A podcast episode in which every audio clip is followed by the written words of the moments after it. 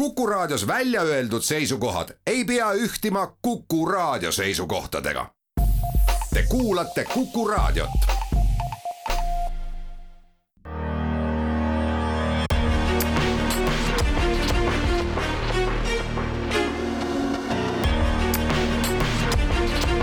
välismääraja tere, homme astub ametisse Eesti uus valitsus. välismääraja stuudios on homme uueks välisministriks saav Margus Tsahkna ja ametist lahkuv Urmas Reinsalu. selles mõne päeva eest salvestatud intervjuus jõudsime päris huvitavate teemadeni, et Eesti on küll maailmas praegu nähtavam ja mõjukama häälega kui kunagi varem, kuid välispoliitikat tehes tuleb ikkagi arvestada ka meie suurusega. ning seejärel Macron ja tema poliitilised mängud. Prantsuse president suutis välja vihastada liitlased, väites Hiinast tagasi lennates, et Euroopa ei saa olla Ameerika järgija ja Ameerikast sõltuv, ka kui jutt tuleb kaitsest. ja ka kodumaal on Macron silmitsi välja vihastatud rahvaga, jätkuvalt vihaste protestijatega pensionireformi üle. Prantsuse presidendist ja tema sammudest pikemalt saate viimases veerandis, kui stuudiosse tuleb Marek Tamm. mina olen Neeme Raud, selline Välismääraja tund siis täna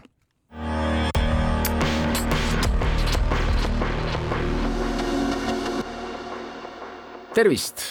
ametist lahkuv minister Urmas Reinsalu või veel ametis olev minister? tervist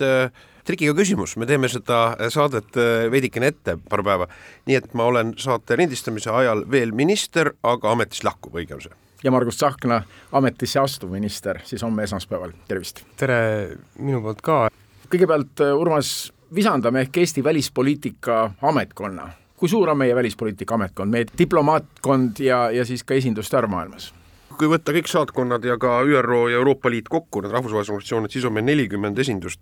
Ja see on äh, veidikene alla seitsmesaja inimene on, kes Välisministeeriumi nii-öelda leivas on. aga noh, seal on ka muidugi abiteenistujad ja, ja, ja tugiteenistujad äh, koos, et inimesi, kes maailmaga suhestuvad suures plaanis, kui nii-öelda pidulikumalt, ma arvan, on Eestis avalikus sektoris kusagil tuhat, sest kindlasti lisaks sellele tulevad juurde erialainimesed, noh Kaitseministeerium sisuliselt on ju diplomaatiline asutus ka oma atašeedega, meil on eh, teistel ministeeriumidel, ennekõike Euroopa Liidu dimensioon, positsioonis äh, palju askeldamist, nii et ma arvan, et see inimeste hulk on kusagil tuhat, kes kogu maakera küsimustega siis tegeleb. Raha ei ole, see on praegu kogu maailmas mantra, kas Eestis on ka plaanis esindatust, nelikümmend esindust vähendama hakata või hoopis kavatseme laiendada, Margus Sarkna? oleme ausad, et, et need numbrid, mida Urmas praegu ütles, et tegelikult nende numbritega ei ole võimalik ju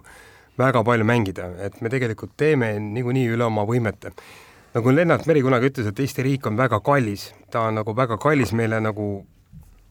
nagu hingeliselt, aga ta on meile per capita maksumaksjale väga kallis pidada. välissuhtlus on see, kust ei saa võtta midagi kokku. eraldi küsimus on selles, et eh, kuidas see Välisministeeriumi sees inimesed eh, täpselt tööd teevad, aga noh, see on rohkem kantsleri teema. mida mina silmas pean, on see, et eh, lisaks julgeolekupoliitikale, mis on eksistentsiaalne küsimus on see, et me peame ka panema välis eh, diplomaatia ja kogu oma väliskorpuse tööle, et kuidas Eesti majandus, Eesti ettevõtted oleksid esindatud globaalselt, kuidas me saame neid toetada ja see toob meile lõpuks sisse. minu väide on selline, et Eesti välispoliitika ei ole ainult mitte kulupoliitika, vaid ta on tegelikult ka eh, meie tulupoliitika. kui vaadata maailmakaarti, Eesti Ladina-Ameerikas näiteks ei ole esindatud, Aafrikas jah, Egiptuses on meil saatkond, aga mujal ei ole, kas koalitsiooniläbirääkimistel oli jutuks ka see, et ehk peaks Eesti olema veelgi laiemalt maailmas esindatud?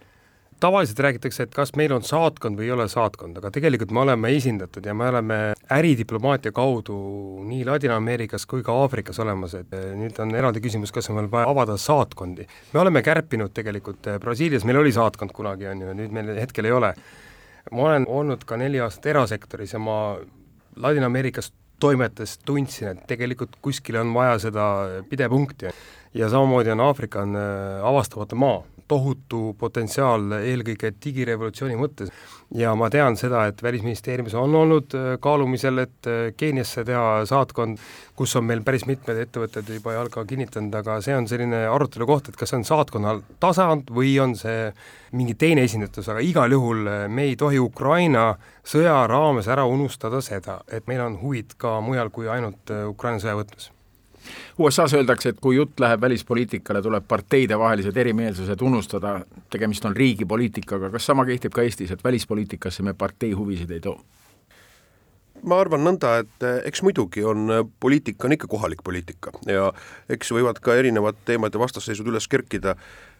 ja noh, näiteks välispoliitikas ühelt poolt oli tegelikult väga, väga mitme erakonna poolt erinevad tonaalsused, mis puudutas Ukraina aitamist, see on tegelikult on ju, on ta nüüd välispoliitika, on ta Eesti ellujäämispoliitika, kuidapidi seda võtta, aga ma arvan küll, et meie jaoks peab ikka välispoliitika defineerima või määratlema sisepoliitikat, et välispoliitika tegeleb sellega, et me üldse alles jääme. kõik muu valdkonnapoliitikad tegelevad sellega, et kuidas elu on meil korraldatud siin, et selles mõttes välispoliitika on kõige tähtsam kreedo see ja ma usun, et kindlasti eri eriti kriitilistel aegadel on suur väärtus see, et meil on võimalikult tugev ühisosa platvorm, et kui valitsus ennustab, kui Margus on edukas ametis, siis on mul selle üle ainult hea meel, sellepärast et äh, välispoliitika on üks ja, ja meie olemise viis või olemise moodus peab, peab olema tugeval järjel. Paratamatult tuuakse valimiste ajal sisepoliitilistel eesmärkidel mängu välispoliitilised äh, küsimused see jääb nende inimeste südametunnistusele, kes seda tavaliselt teevad, aga ma võin öelda seda, et äh, Urmas Reinsalu välisministrina annab mulle üle poliitika, mis on täpselt see, mida mina tahaksin teha. Eestis õnneks on olnud see konsensuspoliitika nii kaitse- kui välispoliitikas. aga muidugi, üks äh, tohutult palju furoori tekitanud hetk oli see, kui EKRE esimees Martin Helme teatas, et Ukraina aitamisel on nüüd piir peal ja ma arvan, et Eesti rahvas andis sellele oma hinnangu, kui te vaatate valimistulemust, et selles mõttes välispoliitika mõnes mõttes mängis väga suurt rolli Eesti sisepoliitilistel valimistel. Ja ma olen nõus selle juhtkirjaga, mis kirjutati vist Delfis, kus öeldi, et EKRE selle sõnumiga äratas üles Eesti rahva. Meie peaminister on välispoliitiliselt väga nähtav, kuidas jagunevad ülesanded praegu peaministri ja välisministri vahel, kui välispoliitikast ja välispoliitilistest avaldustest jutt tuleb? Peaminister viib ellu seda välispoliitikat, mida välisministri juhtimisel välja kujundatakse Välisministeeriumis. nii et peaminister, nii nagu presidentki, nad on esindusisikud, kõneisikud, see, et ta tõepoolest on väga šarmantsel ja sümpaatsel moel on, on, on on olnud noh, nii-öelda rahvusvahelises elektroonilises meedias, ma arvan, et see on meile väärtus olnud ja kindlasti see töö jätkub, aga aga nii-öelda, et see, mida kõneleda, noh, kui on mingi ütleme, poliitiline vastasseis, eks siis ministrid arutavad seda valitsuskabinetis aga, aga üheksakümmend üheksa protsenti asju seda tegelikult ei ole ja selle panevad paika ikkagi noh, nii-öelda välisministri poliitilisel vastutusel paneb selle paika siis ametkond oma noh, vald-, vastavad tugivaldkonna inimesed. Need kõik avaldused on ikkagi koordineeritud? No ütleme, poliitika on koordineeritud, et igaüks on ju vaba rääkima, mis ta räägib, et ega keegi ei loe, tsensorit ei ole seal ühes või teises suunas. Äh, ja, ja ka küllap mõni avaldus, ükskõik millisel äh, poliitikul, kes on valitsuse poolt ametisse pandud, et küllap ka ei ole nii-öelda kooskõlas teinekord, äh, aga noh, tähtis on nagu see kurss või nagu see joon või see voolusäng. see voolusäng võib öelda küll Eesti riigil on olnud siin viimased aastad, kui me räägime sõja ajal, on olnud üsna üks ja no, ma vaadates äh, Marguse seisukohti, vaadates ka seda uut koalitsioonilepingut, ma, ma olen päris veendunud, et ta suures la-, laastus ka kulgeb sedapidi. mis on nagu minu jaoks huvitav, et üks on see, mis on nii-öelda riigile omistatav välispoliitiline joon, mille suhtes ei ole ju mingit kahtlust, on ju, mida Eesti teeb täna ja me oleme eesrinnal ja meie huvides ei ole, et äh, lääs äh, väsiks või kuidagi tekiks mingi kokkulepe, kuna me saame aru sellest, et äh, selle kokkuleppe tulemusena hakkab tiksuma kell meie enda nii-öelda julgeoleku mõttes sõna otseses mõttes, et kas pommid hakkavad kukkuma siia või mitte. aga me oleme täna esimest korda, ma tunnetan kõrvaltvaatajana, mitte ainult riigina, vaid väga oluline on see, et kes need on isikud, kes kannavad neid vaidluskohti, et siin ei ole sellist nagu etteantud maatriksit, et kui me vaatame kas või Euroopa Ülemkogu, ilmselgelt peaministril Kaja Kallasel on seal väga suur roll olnud ja ta on seal läbimurdeid teinud, vaatame kaitseministrit Hanno Pevkurit, on suutnud äh, tegelikult ju viia läbi Eesti välispoliitilise liini läbi kaitsepoliitika, mis puudutab miljon mürsku, vaatame Urmas Reinsalut, kes samamoodi on rokkinud nendes koridorides ringi, et lihtsalt see aeg annab riiklikule poliitikale, annab isikute näo ja isikutest väga palju nendes koridorides sõltub, et mis siis tegelikult lepitakse kokku järgmise kahekümne nelja tunni jooksul, see on väga tähtis. me kuuleme tihti, et meie liitlased ja ka laialdasemalt maailm räägib praegu meie jutupunkte, on see nii? Et noh, siin ei maksa kindlasti nina püsti jääda nüüd, jäädes realiteeditaju omavaks, ma sõnastaks selle nõnda, et me oleme seda võib-olla ajastu vaimu ja ootust tabanud varem, kui see on tõusnud nii-öelda lääne liidrite mainstream'iks. Olgu ta selle rahvusvahelise tribunali algatusega, olgu ta selle käsitlusega, mis puudutab, et Eesti parlament oli esimene, kes tunnistas selle sõja äh, genotsiidiks äh,, ja noh, nendes sammudes me oleme liikunud ajast ees, see poliitikas teinekord ka rahvusvahelistes suhetes ei ole voorus, et on, tasub ka, aga praeguses olukorras minu meelest meil ei ole teist alternatiivi, et ja vajadusel, ja on ka mitmeid kordi olnud ja tõenäoliselt seisab ka ees neid kordi, kus me oleme üksi, kus või tegelikult oleme vähemuse esindajad, aga selles ei ole ka midagi häbiväärset, kui me usume, et võitleme õige asja eest. näiteks millises situatsioonis ma arvan, et väga põhimõtteline küsimus seisab ees, kui kaugele ja siin on suur Kaja Kallase, Marguse võitlus saab olema, on NATO Vilniuse tippkohtumine, kui kaugele tegelikult julgevad NATO riigid minna poliitilise signaaliga, et Ukrainat pärast sõda soovitakse näha NATO-s, enamik lääneriike, kes on NATO-sse kuuluvad, ei soovi mingisugust reaalset signaali anda, see on aus olukord praegu. võib-olla raadiokuulajad peavad ühel hetkel hakkama harjuma olukorraga, et kui Eesti on olnud senimaani nagu pai poiss, me oleme täitnud kõik euroasjad ja me oleme täitnud kõik NATO asjad ja me oleme üldiselt nagu raporteerime ainult võite ja oleme esirinnas, siis seesama, mida Urmas ütles, et äh, juulikuus toimuv NATO tippkohtumine saab olema selle sõja pöördepunkt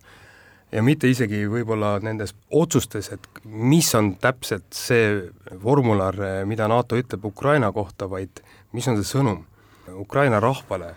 oleme ausad, et kogu see aasta tegelikult saab olema küsimus sellest, et kas Lääs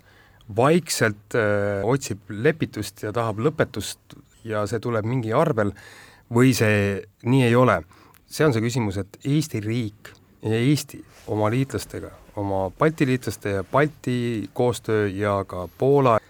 peab võtma sellise seisukoha, mis ei ole võib-olla ka NATO-s väga nagu mugav. ehk siis Eestist võib saada selline riik, kes kõneleb eest eh, võib-olla ka natukene ebamugavamatel teemadel, mis ei sobi võib-olla Ameerika Ühendriikidele, mis ei sobi võib-olla suurtele Euroopa riikidele, aga see on meie iseseisvuse pant. ehk siis Eesti riigil lasub täna palju suurem roll, kui me oleme selleks tavaliselt harjunud. aga Eesti peab samas arvestama ka oma suurusega, meie kaal on praegu tuntavalt suurem, kui me tegelikult oleme oma territooriumilt, kui vaadata kaarti, ikkagi peame jääma ka realistideks. hiljutine Politico kriitikanool Eesti kaitserelvastuse kohta näitab, et küllap on Euroopas ja maailmas neidki, keda meie liigne aktiivsus, sõnavõtmine võib häirida. see on täpselt see, mida ma silmas pean, et eh, ega me lõpuni ei tea, et kes mida kuskil kellelegi lekitas või rääkis ja mida poliitika kirjutas, aga fakt on see, et Eesti riik on andnud Ukrainale tohutut abi ja, ja, ja see protsent meie SKP-st on nagu metsikult suur, aga oleme ausad, et eh, ega meid ka üritatakse rajalt maha sõita et me peame olema valmis väga suureks kriitikaks ja mõnes mõttes ka kriitikaks meie enda nii-öelda tänaste liitlaste poolt. see on valikute küsimus, et kas me peame silmas äh, aega tuhat üheksasada kolmkümmend kaheksa, kolmkümmend üheksa ja õpime sellest ja oleme julged, või me nii-öelda lähme mõnusasti seda äh, vooluteed ja mina siin küll olen näinud, et äh, Urmas Reinsalu on äh, ikkagi lipu püsti tõmmanud, et eh, sama liini tuleb jätkata, et me peame ikkagi pidama silmas seda, et mis juhtub peale selle konflikti lõppu no ega me mängime riskantset mängu, ega siin ei ole midagi öelda, et aga olukord ongi väga riskantne. see, et eh, mingil hetkel eh, seda, seda piiri, me oleme praegu liikunud nõnda, et me oleme püüdnud selle piiri sõnastada ja oleme astunud sealt veidikene üle piiri veel, et ja küsimus on, et seda taju, loomulikult tuleb seda tajuda, et äh, vinti mitte nii selliselt üle keerata, et sa kaotad noh, nii-öelda äh, veenvuse või mingisugusegi inspireeriva usutavuse nendes aruteludes. seni ma arvan, on see enam-vähem okeilt välja juhtunud, aga tegelikult ma mäletan seda, et kui, kes mäletab e kuulajatest, kui eelmisel kevadel, kui riskantset mängu mängis Ukraina, selleks, et kutsuda üles raputada Saksamaa südametunnistusele, sisuliselt nad ikka kõvasti võtsid kõrvad pihku. Saksamaa, öeldi Saksamaa juhtidele, et ei ole teretulnud Kiievis, me tahame sõpradega olla, nõnda edasi. ja tundus, et see, ja ma mäletan, lääne diplomaadid, poliitikud ütlesid, et keeravad nii vindi üle, kas nad saavad ise ka aru, mis supi nad kokku keedavad pärast. et nad ise peavad nende samade meeste-naistega ühe laua taha istuma. aga samas tegelikkuses see, need sõnumid olid mõeldud Saksa rahvale, Saksa ühiskonnale. Ja juhtus väga huvitav asi, et hakkasid gallupites kukkuma võimul olevate poliitikute või ametis oleva valitsuse populaarsus, et nad piisavalt ei liigutanud Ukraina heaks, nii et tegelikult see oli väga riskantne mäng, aga vääris küünlaid, ma ütleks nii. isegi mina, kes ma ei ole olnud ju välispoliitiline aktivist, küll olnud kaitseminister, aga ka veel varem, et eestlasi on ju Mart Laarist alates kutsutud nii-öelda russofoobideks, aga me oleme tegelikult juhtinud ju tähelepanu nendele teemadele, et Putini juhitud Venemaa ei rahune, on see Ukraina kaks tuhat neliteist, on see Gruusia tegelikult ja ka paljud muud äh, sündmused, meid ei võetud tõsiselt. aga täna on kahjuks olnud meil õigus. ja see on see kapital, mida me täna peame kasutama targalt, et me ei tohi üle võlli tõmmata, aga äh, see on ka see, mille peal ratsutab tegelikult Kaja Kallas ja ka välisminister Urmas Reinsalu senimaani ja ka kaitseminister Hanno Pevkur, et meid tegelikult nüüd kuulatakse ja nüüd me peame olema targad me ei tohi nii-öelda teistpidi üle võlli tõmmata. Meie regioon siin on ka muutumas kaitsealaselt, Soome NATO-sse saamine, millised on meie regionaalsed formaadid praegu, kus me oma välispoliitikat ajame? Põhja-Balti tuleb kohe meelde, Balti riigid omavahel, siis Balti riigid ja Poola Põhja-Balti on nüüd omandanud, ütleme ausalt, ega Balti riigid vaatasid sellele, selle Uffe Ellemann-Jensen-Letsi kutsutud initsiatiivile, veidikene vaadati ülevalt alla, noh, see oli ikkagi veidikene noh, konstrueeritud mõõde. nüüd pärast ne, Soome ja Rootsi noh, NATO-sse saamist, saamise hetkel on, ma tajun, psühholoogiliselt on olukord muutunud, et me tegime, kui ma käisin välja, see algatus oli novembrikuus, oli visiit, see oli suurim välisministrite visiit Kiievist Põhjala-Balti seltskonnaga, Põhjala sõprade huvi on hoopis teistsugune, Margusel seisab ees visiit, on samamoodi Odessasse, Moldovasse lähiajal kohe üks esimesi tal ametisse astudes, nii et see on tegelikult omandav hoopis teise dimensiooni. ja ennekõike meie huvi on just nimelt julgeolekuliselt seda sedastada, et kõik see muu, digitaalkoostöö nõnda edasi on ka tore, aga noh, kõige tähtsamad, ma arvan, on hoopis uus perspektiiv tekkinud.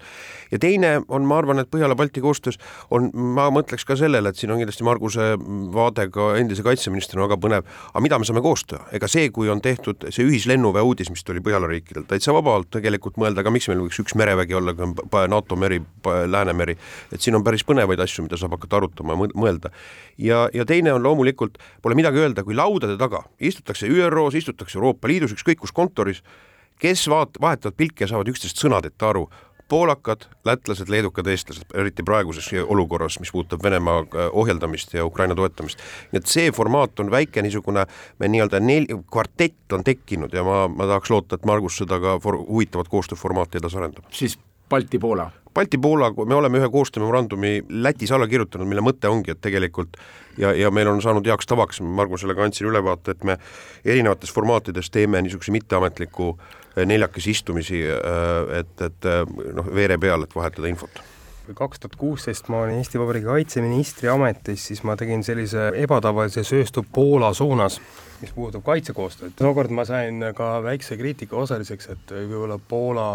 on olnud liikumises äh, demokraatlik ja isikuvabaduste väärtuses nagu mitte meiega samal liinil, aga oleme ausad, Poola on julgeolekuvõime ja sõjalise võime mõttes äh, meie regiooni garant koos USA-ga, see on tõsi. Ja tookord mind natuke kritiseeriti, aga ma olen absoluutselt nõus, et täna on ju küsimus see, et Põhjamaade koostöö, see on ju ajalooline hetk, kus Soome on juba täna NATO-s, Rootsi on sinna tulemas, see on kauplemise koht Erdoganiga, aga see muudab kogu seda pilti ja mis on nagu hästi kummaline ka võib-olla nagu mentaalselt, on see, et me oleme vanem vader NATO-s, kes võiks anda Rootsile ja Soomele nõu. tegelikult see kaitsekoostöö on praktilisel levelil toimunud ju aastaid, et nad on integreeritud meie süsteemi aga ma tuletan ka meelde, et kui Soome on olnud ikkagi nii-öelda totaalkaitse printsiibil üles ehitatud riik, siis Rootsis on toimunud totaalne ühiskondlik muutumine. ehk siis eh, kui me räägime sellest, et Rootsi kaotas oma kaitsevõime nii-öelda sõjaliselt meelega ära, siis täna on Rootsi ikkagi investeerimas, ehk siis see, kõik see koostöö, kui me vaatame meie regiooni, siis see on võti ja see on nagu mitte ainult diplomaatiline, vaid see on sõjaline jõud, mis on nagu Läänemere ümber koondunud. Eestil on siin kindlasti väga suur roll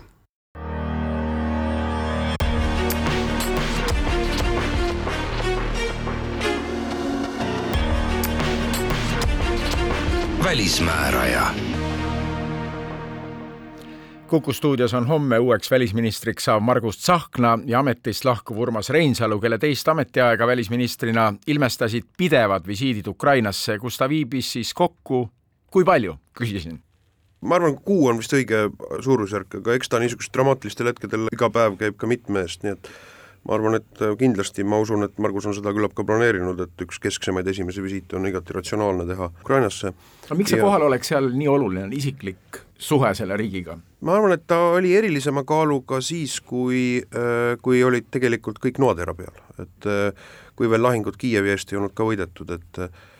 et ma võin öelda, et jah, ma olin ma arvan, ma vist olin pigem esimene parlamendi delegatsiooni, esimest parlamendi delegatsiooni alates sõja algusest korraldasin, meil oli äh, noh, ma olin ka esimene välismaalane, mulle Harkivi kuberneri ütles, kes Harkovi, Harkivisse jõudis ja nõnda edasi, siis olid, ma arvan, need olid väga erilise kaaluga või samamoodi Põhjala-Baltise välisministri ko-, visiit. aga kindlasti igal visiidil on olnud ka oma point, üks asi on noh, toetusavaldus seal kohapeal, aga teine asi on tegelikult ka infovahetus, sest ega ukrainlased ju, nad võtavad enesestmõistetavalt, me oleme näidanud, kui usaldusväärne ja, ja, ja, ja ja toetav me oleme oma pingutustega, aga nemad on tegelikult mentaalselt nagu meiega ühel poolel, nemad annavad meile, esitavad oma palveid, kuidas meie peaksime veenma suuremaid lääneriike. See on täitsa nagu, see mentaalne mõttekäik on mitte, et ne, nemad ei tõesta meile ära mingeid asju, vaid me oleme täpselt ühel samal lainepikkusel ja nad seletavad, mida ütlevad seal veidikene mõni suurem riik, ütleb nii, ütleb naa no,, et kuidas me peaks, küsivad meilt, kuidas peaksime käituma, kus gaasi juurde panna ja see on hoopis teine tegelikult mentaalne ruum mina olen seda näinud erasektori poole pealt tegelikult, kui tähtis on see, et kui sulle Ukrainas vastu võtvad sõjaväelased, kes on tulnud rindelt natuke eemale korraks, et saada väljaõpet, ütlevad, et aga teie välisminister oli siin. Te olete olnud siin, te olete siin. see mõju on nagu ülimalt suur me olime ainukene, ma ei mäleta, mis, mis saatkond veel alles jäi tegelikult siis, kui tuldi alguses peale ja Eesti ei viinud oma diplomaatilist esindust minema Kiievist. et need inimesed kõik on, võime öelda, et okei okay,, me võime igalt poolt tööd teha, aga see sümboolne väärtus, seda kõik teavad Ukrainas. ja see on see, mis annab neile jõudu. ja esimene visiit ministrina tulebki sinna? ma lähen kõigepealt majja, kas see ajaliselt sobib või mitte, aga igal juhul Ukraina on esiotsas. aga sõjad saavad kõik kord läbi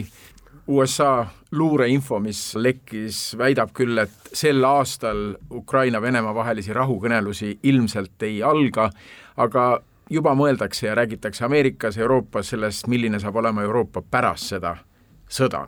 konkreetselt Venemaa positsioon selles uues Euroopas, mida meie neil teemadel kaasa räägime? niisugune lühike vaade ja siin ei olegi meil unikaalne vaade, vaid ma arvan, see on suures laias laastus NATO idatiiva riikidele üsna sarnane, on see, et Venemaa tuleb panna vastutama, selleks et tal ei tekiks kunagi lusti ja kiusatust äh, mujal niisuguseid aktsioone ette võtta,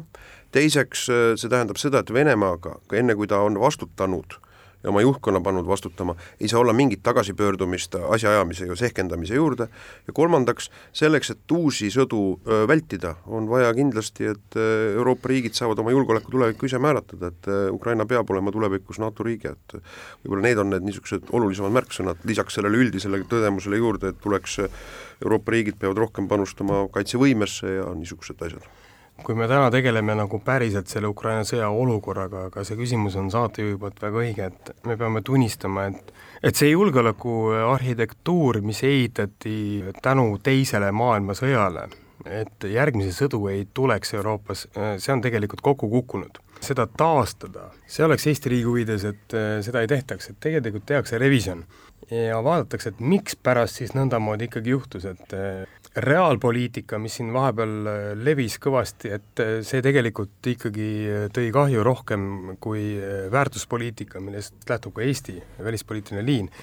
ma olen täitsa nõus sellega, et me ei tohi nüüd leppida ühel hetkel Ukraina võiduga või mingisugune status quo'ga, vaid me peame tegema järeldusi ja siin on meil täna esimest korda ka õigus laua taga midagi öelda. ja teine asi on see, et kui me mäletame, et kaheksandal või üheksandal mail lõppes Teine maailmasõda, kas me mäletame seda, et mis kuupäeval lõppes Korea sõda, mis kuupäeval lõppes Vietnami sõda, mis kuupäeval lõppes Iraak, me ei tea seda. me ei tohi Ukraina konflikti puhul pikemas perspektiivis äh, öelda seda, et kuskil on mingi hägune olukord, et peab olema punkt ja punktist tehakse järeldused. ja see on, ma arvan, Eesti kui nii-öelda pistrikriigi nagu ülesanne, et mitte maha magada seda soga, fikseerida olukord, miks asjad tekkisid ja mis saab tulevikus paremini teha USA ja Euroopa suhted on teema, mis taas päevakorral, eriti pärast Prantsuse presidendi Macroni Hiina visiiti, kus ta ja mille järel ta poliitikule antud intervjuus ütles, et Euroopa peab siiski vaatama ennast iseseisvana, mitte USA vasallina, ta rääkis Taiwanist, Taiwan'i poliitikast, aga rääkis ka Euroopa julgeolekupoliitikast jälle. kuidas Eesti neid pooli praegu valib? kas me peame üldse pooli valima? Muidugi, see ei ole küsimus, kui kõneleme pooltest, siis minu meelest on üldse, kõigepealt Macron ei räägi Euroopa nimel, ta räägib oma riigi presidendina ettekujutuses nagu, mida ta evib, see, et Hiinaga tuleb suhelda praeguses olukorras, et Hiina ei hakka tugevamalt kaasa mängima Venemaaga, ma arvan, see on ratsionaalne selles ei ole midagi etteheidetavat. aga see retoorika kuidagi olukorras, kus me teame, kui pingeline on olukord Ameerika ja Hiina vahel, ennekõike seoses Taiwaniga et seal kuidagi jääda nii-öelda distantseeruda, ma arvan, et see on kohatu. See on, tuleb ausalt välja öelda, et äh, sellises olukorras vähemalt seda, seda tõlgendatakse sellisel moel või interpreteeritakse sellisel moel, mis minu meelest ei ole asjakohane, sest täpselt samamoodi, nagu meie kujutame ette, et meil on kui kaugel on meile Taiwan ja, ja, ja need piir, see piirkond oma erihuvidega, on samamoodi, on Ameerikas kuskil Kesk-Läänes arutatakse, aga mis meil seal Ukrainaga asja või, või Euroopa julgeolekuga asja ja need on vägagi legitiimsed, oleks vägagi legitiimne sellisel juhul Macroni mõttekäiku kopeerida lihtsalt cut and paste, äh, panna Ameerika kuhugi äh, poliitiku suhu, mida kahetsusväärselt seal ka tegelikult on hakanud rohkem esile kerkima selle sõja ajal. nii et meie peame aru saama, et lääneriikide või lääne elulaadi kandvate riikide osakaal maailmas kahaneb ja sellele koostööle ja kõikehõlmavusele oma huvide kaitsele ei saa, ei tohi mingisugust alternatiivi olla, seetõttu oligi NATO välisministrite koosolekul väga rõhutavalt oli kutsutud Austraalia, Uus-Meremaa, Lõuna-Korea, Jaapani välisministrid tegelikkuses, et et nemad on huvitatud Ukraina sõja tulemustest ja loomulikult NATO on huvitatud nende julgeoleku öö, probleemide käsitlemisest, mis puudutab Hiina agressiivsuse kasvu. Hiina on meie konkurent ja Hiina elulaad öö, inimpõlvede perspektiivis, võistlus loodetavasti mitte võitlus Hiina elulaadi kehtestamise üle maailmas ja sel, tema domineerimise üle, see seisab inimpõlvede perspektiivil läänemaailma, meie elulaadiga e, inimestele, kultuuridele ees, see on reaalsus. no aga see teine aspekt e, Macroni väidete juures, et Euroopa, kes me näeme ju, sõltub Ameerika kaitsest, et Euroopa peab olema iseseisev ka kaitseküsimustes, et Ameerika ei peaks ka selles vallas siin domineerima. küsimus on selles, et kes räägib eh, kellele, et kui Macron räägib oma valijatele ja Euroopa inimestele, siis ma kirjutaksin kahe käega alla, muidugi, Euroopa peab olema võimeline ennast ise kaitsma sõjaliselt ja ka vaimselt, oleme ausad, on ju, poliitiliselt, et mis on siis tegelikult Euroopa Liidu poliitilise otsustuste mehhanism, et kui me täna räägime sellest, et näiteks Ungari blokeerib eh, väga olulisi otsuseid, et eh, kas me oleme ühiselt eh, Euroopa Liiduna võimelised ka sõjaliselt käituma, no ma väidan seda, et poliitiliselt on see väga keeruline koht, et kui me hakkame sõda pidama ja meil on konsensuspoliitika, siis kuidas seda sõda pidada, see on nagu üks küsimus, on ju. ja teine on see, et eh, vaatame ka numbreid, paratamatult õnneks Eesti poolt vaadatuna on need suured laavad liikuma läinud, et president Trumpi võib küll kritiseerida kõigi eest, mida ta on teinud, aga üks sõnum oli väga selge, et Euroopa peab rohkem panustama ka rahaliselt kaitsesse, numbriliselt, ja see on tegelikult hakanud liikuma. teine on see, et oleme ausad, suured vanad Euroopa riigid võib-olla pole isegi poliitiliselt aru saanud või nüüd ära nagu saavad aru, et tegelikult Euroopas käib sõda ja see on see, arhitektuur ei suutnud seda sõda ära hoida, see sõda on mastaapne ja see on genotsiid. see ei ole mingisugune relvakonflikt, mis oli varem, see on nagu mastaapne sõda ja ka küüditatakse lapsi näiteks. ja mis on nagu tänapäeva kommunikatsiooni võtmes oluline, on see, et minu arvates said inimesed ennem aru kui poliitikud sellest, et see asi puudutab kõiki. ja see on huvitav aspekt, et nii-öelda demokraatlik Euroopa Liit, mis on olnud mõnes mõttes süüdistatuna, et, et nad ei ole suutnud reageerida, täna reageerib eh, tegelikult ju inimeste harjumusega, et igal pool toimuvad valimised ja poliitikud peavad saama uudi, uusi mandaate. et selles mõttes ma usun rohkem mitte Macroni loosungitesse, vaid sellesse, et tegelikult Euroopa inimesed on aru saanud, millises riigis, kas läänes, eh, idas, et see asi puudutab kõiki neid. teine pool on see, et saatejuht ise on elanud Ameerikas väga pikalt ja mina olen ka selle õppinud. et oleme ausad, et Ameerika inimestele eh, gloobus on teistsugune. Euroopa on saar ja Ameerika Ühendriigid on nii-öelda suur, suur, suur territoorium, mille ümber tegelikult päike keerleb, kui me vaatame Ameerika sisepoliitikat täna, eh, siis tähelepanu Ukraina ja Euroopa probleemidele on väga väike, et eh, me peame seda ka silmas pidama, et eh, kuidas tegelikult inimesed näevad Euroopat ja Eestit ja kogu seda konflikti teiselt poolt. ja ma soovitan kõigil raadiokuulajatel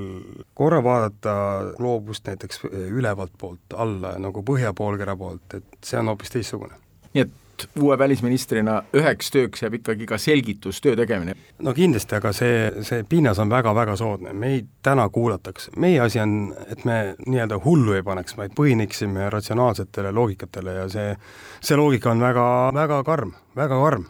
üks ajakirjanduslik küsimus ka siia lõppu, Margus Tsahkna, kui homme esmaspäeval välisministriks saad, mis saavad olema esimesed asjad Islandi väljakul, millega tegelema hakata? No need on praktilised asjad, et eks Urmase käest pean üle võtma ameti ja üks on see, mida avalikult on teada, aga väga palju on ju ka see, mida riik teeb kuluaarides, et selle infoga kokkuviimine, aga teine pool on see, et natuke vaadata tulevikku lisaks selle Ukraina sõjapitserile, mis on paratamatult täna kogu maailma muutmas, on see, et Eesti majandushuvid. Ettevõtjate ja Eesti roll Ukraina ülesehitamisel on Marshalli plaan kaks, kus me peame aktiivselt võtma osa meil on oma kompetentsid, meil on äh, aus, läbipaistev hankesüsteem, mida võime pakkuda välja G7 Marshalli initsiatiivile. me peame täna siin juba jooksma, et olla üldse mängus. ja ma arvan, et äh, see kõlab võib-olla küüniliselt äh, selle taustal, et sajad inimesed praegusel hetkel surevad Ukrainas, aga oleme ausad, Ukraina ülesehitamine on ka suur-suur väljakutse,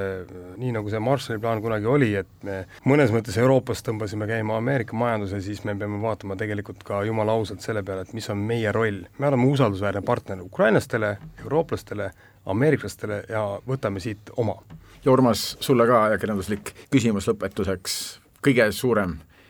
rahulolu sellest teisest välisministri ajast oh tead, sa küsid nii neeme nii keeruliselt, tead, äh, ma arvan, et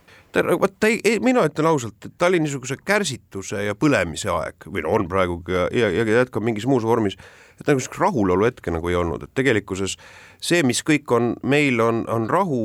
ja see, mis on ja võib olla ka laieneda ju inimkonna peale, see agressioon, see on, on tegelikkus, mis toimub meist ühe tunni lennu kaugusel. rahulolu selles mõttes, et see sai tehtud ma arvan, et võib-olla äh, kõige kelmikam oli tegelikult see seft, kuidas me ikkagi, kui Soome alul vastu puikles, ma mäletan, kui me suutsime Vene turistidele selle Euroopa Liidu maismaapiiri kinni panna, et äh, ma mäletan, kui ma käisin augustis president Zelenskõi juures ja ta palus seda, et Euroopas, ma ütlesin, me ei saavuta Euroopas selles osas konsensust ja ma olin oma arvates täiesti realistlik seda öeldes, aga, aga ja siis ma ütlesin, andsin talle veksli, aga me püüame sulgeda lihtsalt, hakata riikide kaupa seda kinni panema, küll oli kriiskamist, et see on igas Schengeni reeglitega vastuolus, noh, ma ütlesin, et ei julge keegi Euroopa Komisjon selle peale kohtusse Eestit kaevata, et äh, tuleb üks suur tohuvabohu ja nii oligi. sellega lõpetame, aitäh!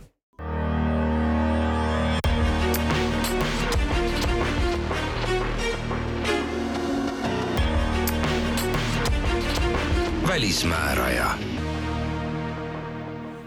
välismääraja stuudios on nüüd Tallinna Ülikooli Humanitaarteaduste Instituudi kultuuriajaloo professor Marek Tamm, tere päevast! tere, Neeme!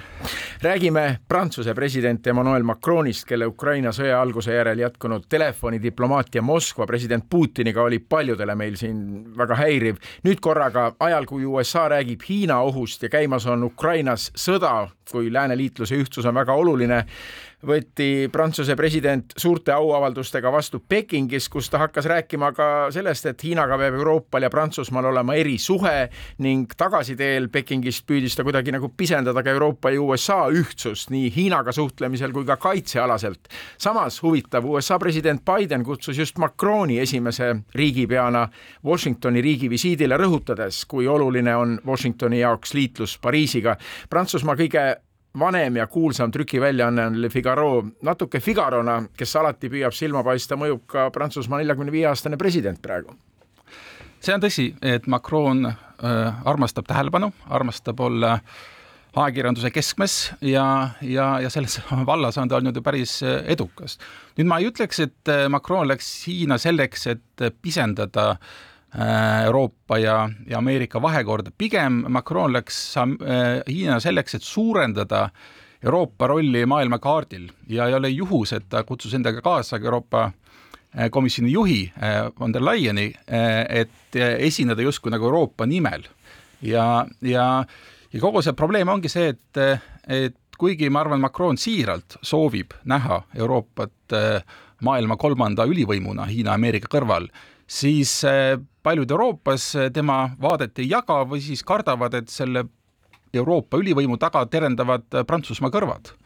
ja, ja mingis mõttes Macron saavutas vastupidist, et ta mitte ei suurendanud Euroopa ühtsust ja tugevust, ta pigem nagu nõrgendas seda, sest et kohe pärast visiiti ju tulid üsna teravad reaktsioonid, eriti Ida-Euroopas, sealhulgas Poola peaministrilt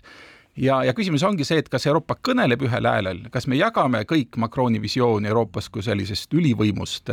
või on see ühe mehe soolo? Ja, ja hetkel minu hinnangul on see pigem ühe mehe soolo ja, ja ma ei näe ka reaalselt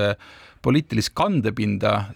sellisele visioonile ühtsest Euroopas, kes suudab toimida samadel alustel, nagu toimivad Ameerika ja Hiina, mis on lõpuks ikkagi riigid, Euroopa Liit on riikide ühendus. Ja ma ei näe valmidust äh, liikuda tugeva föderaliseeritud Euroopa poole, kes, äh, kes oleks siis niimoodi laua taga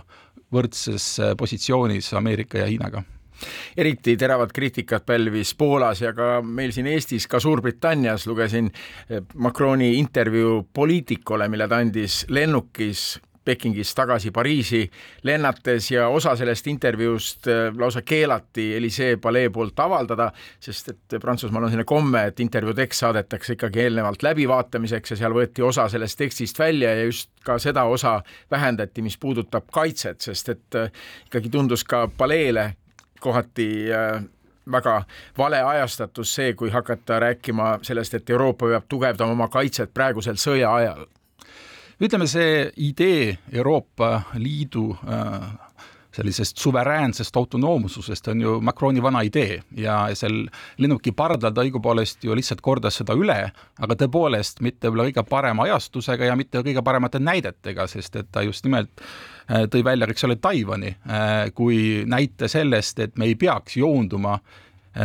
alati Ameerika järgi, vaid peaks olema suveräänne Äh, militaarjõud, kes valib ise oma eesmärki, oma, oma sihte, keda toetada ja millal toetada. aga jah, see mõte sellest, et, et Euroopal peaks olema oma tugev äh, sõjavägi,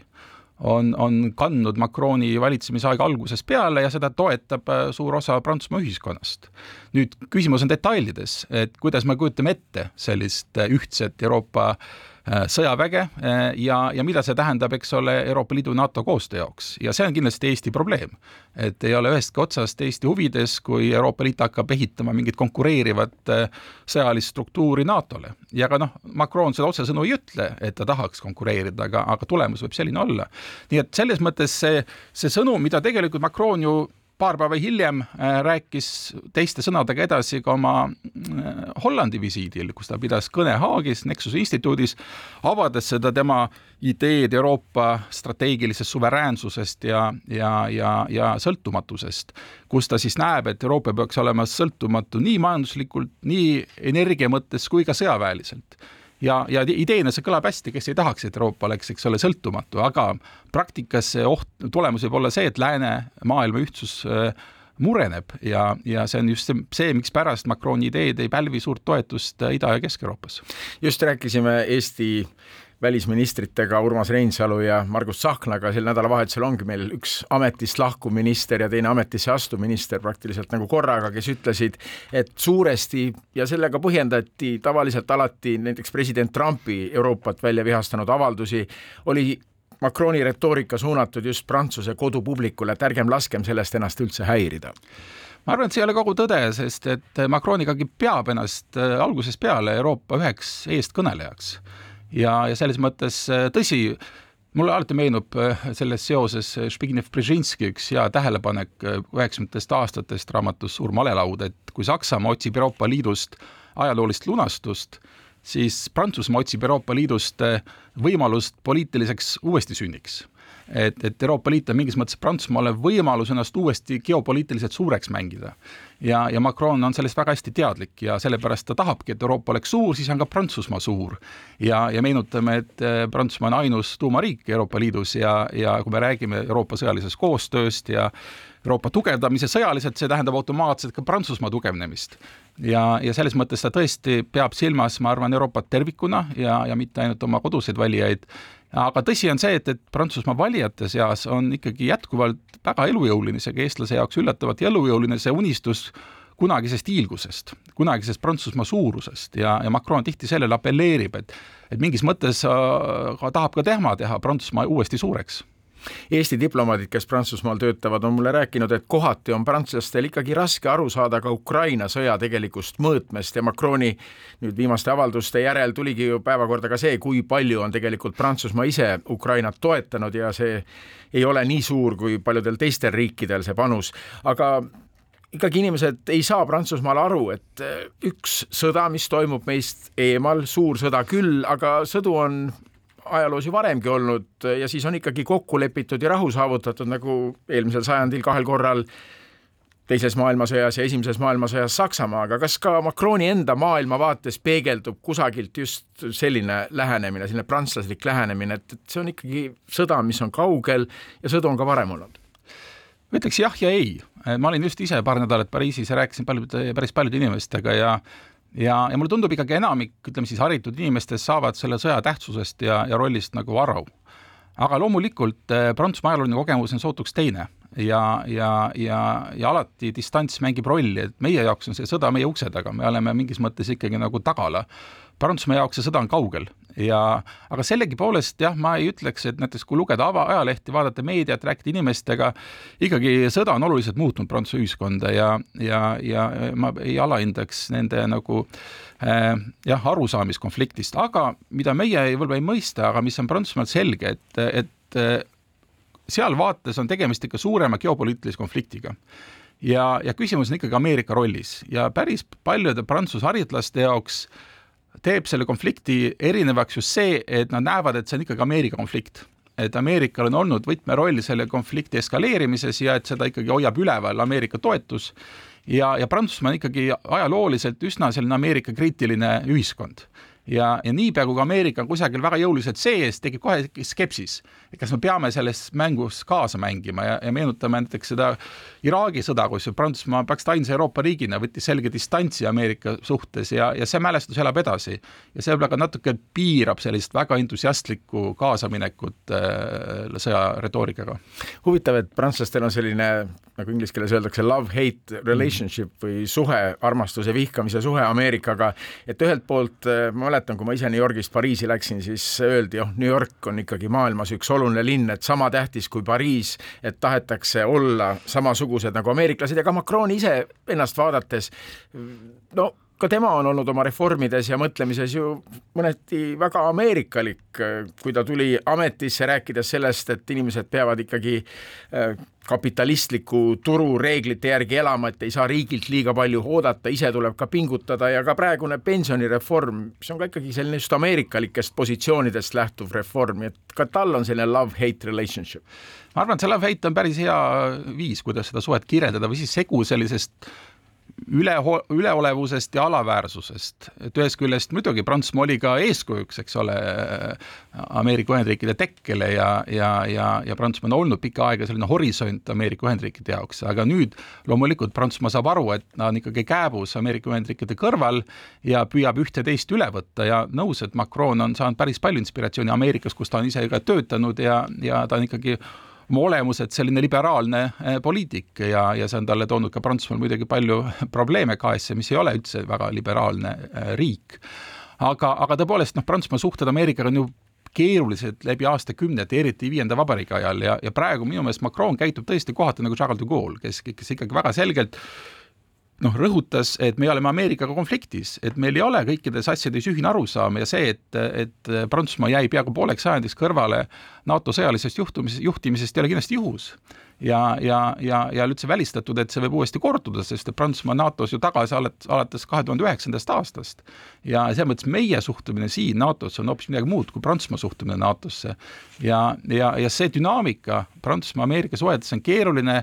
heitlik ja, ja tegelikult kujundab päris palju äh, Prantsusmaa tulevikku. Charles de Gaulle'i nimi juba kõlas. Prantsusmaa viienda vabariigi presidendi amet on osa ajaloolaste arvates üks kõige ebademokraatlikumaid, kui nii võib öelda, kergete isegi diktaatorlike elementidega amet, just nii nagu Macroni suur eeskuju de Gaulle riigijuhi sellist totaalset positsiooni ette kujutas. Ja nüüd on neljakümne viie aastane mees püüdma siis de Gaulle'i suurtesse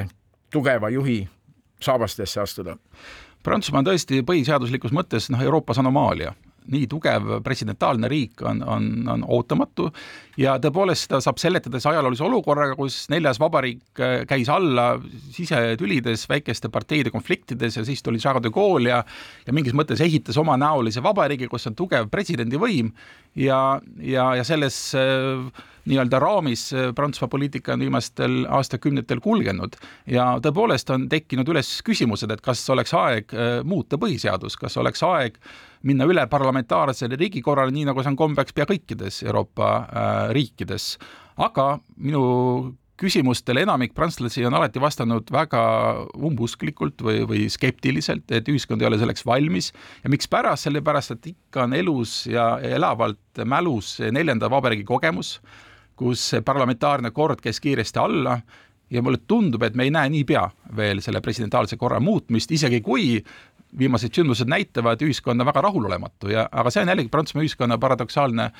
hoiak, et ühest küljest vajatakse sellist tugevat kätt ja teatavat sellist monarhistlikku unistust aetakse taga, aga teiselt poolt eh, soovitakse, et rahval oleks rohkem õigust ja, ja, ja rahvas peaks tänavatel otsustama ja ja Prantsusmaa minu arust natukenegi heitleb selle kahe niisuguse radikaalse demokraatia ja, ja monarhistliku illusiooni vahel ja eks siis näi, mida tulevik toob, aga ma ei ennustaks jah, põhiseaduse peatset muutmist. ja viimane kiire küsimus ja vastus, viimane minut meie saates. kui kauaks praegused protestid kestma jäävad Prantsusmaa tänavatel, Macron on ka kodus silmitsi välja vihastatud rahva hulgaga, lugesin ühe protestidel osa osaleja arvamust, et ta on praegu neljakümnendate eluaastate lõpus, aga jääb protestima ilmselt nii kauaks, kuni pensionile läheb ja läheb kuuekümne kahe aastaselt jah, sõnavõtud on üsna, üsna teravad ja, aga ma ikkagi ennustan nende peatset hääbumist, et äh, eile, eks ole, eilse seisuga laupäeval äh, võeti pensioniseadus vastu, see kehtib ja, ja mulle vähe ma ei näe, mis, mis sunniks seda olukorda muutma, tõsi, ametiühingud on kutsunud esimeseks maiks veel suurema meeleavalduse ja ja võimalik, et see tulebki suur, aga kui vaadata seda dünaamikat, siis tegelikult kõrgaega möödas iga päevaga jääb need meeleavaldajad vähemaks ja, ja ma usun, et nii see läheb, tõsi, selle tulemusena Macron kaotas enamuse parlamendis ja tema uuetel reformidel saab olema väga raske, et need ellu viia Marek Tamm, aitäh sel pühapäeval stuudiosse tulemast, mina olen Neeme Raud, välismääraja tänaseks kuulatud. järgmisel pühapäeval on meie saade otse New Yorgist, räägime Eesti tegevusest ÜRO-s ja Eesti-USA suhetest, nii et kuulmiseni.